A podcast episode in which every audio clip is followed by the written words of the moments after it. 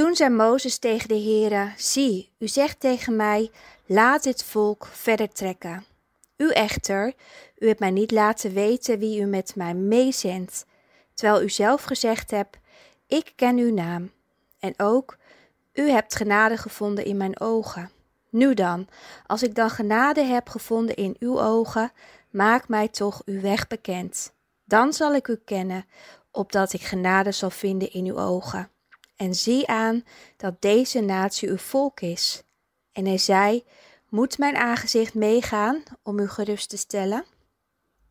Het zijn woorden uit Exodus 33, vers 12 tot en met 14. Broers, zussen, Mozes is mijn grote voorbeeld. Hij zocht iedere keer de grens op hoe ver hij mocht naderen tot God.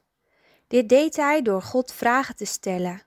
En daarbij bleef Mozes God er steeds maar weer aan herinneren wat hij had beloofd. Wat een vertrouwelijke omgang had Mozes met zijn vader in de hemel.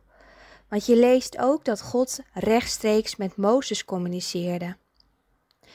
Misschien denk je dat God een God van ver weg is. Hij die hoog in de hemel woont en vanaf zijn troon neerkijkt op de aarde. Misschien heb je het idee dat er grenzen zijn gesteld aan hoe dicht jij bij God mag komen. Maar in de Bijbel lees je dat er heel wat mensen dicht bij God zijn gekomen. In de gelijkenis van de verloren zoon uit Lucas 15 staat de vader zelfs met open armen op zijn verloren zoon te wachten. En als hij komt, ontvangt zijn vader hem met een dikke knuffel. In die godsknuffel komt een mens tot inkeer. Mozes had God geweldige dingen zien doen. Wonder na wonder trok aan hem voorbij. Eerst die brandende braamstuik, daarna de confrontatie met de machtige farao, de splitsing van de Rietzee en de zorg die het volk ontving toen het rondtrok in de woestijn.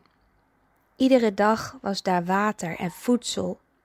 Het waren grote dingen die Mozes zag. En toch lees je telkens dat Mozes niet vroeg om een wonder, maar dat hij benieuwd was naar wie God was. Hij wilde begrijpen hoe God dacht over de dingen en hij wilde zijn karakter leren kennen.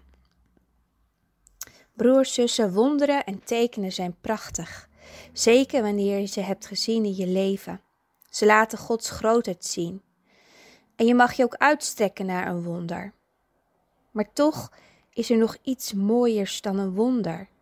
Het is nog rijker wanneer je net als Mozes steeds meer te weten komt over wie God is.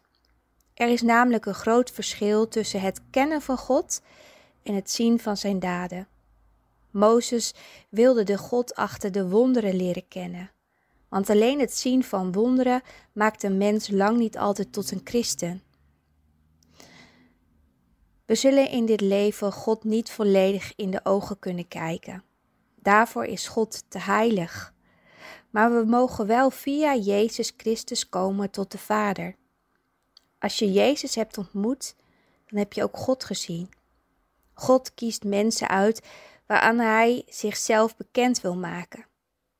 En als je God kent, dan krijgt het wonder van genezing, herstel en vergeving een nog diepere betekenis in je leven.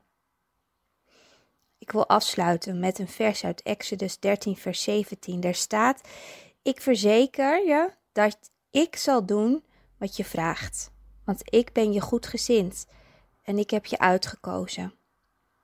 Broers, zussen, als God jou uitkiest, dan mag je weten dat Hij zichzelf beetje bij beetje aan jou bekend maakt. Steeds iets meer. God bevestigt ieder kind dat Jezus wil leren kennen. Ben je ook zo benieuwd wie Hij is? Welke vraag wil jij vandaag aan God stellen?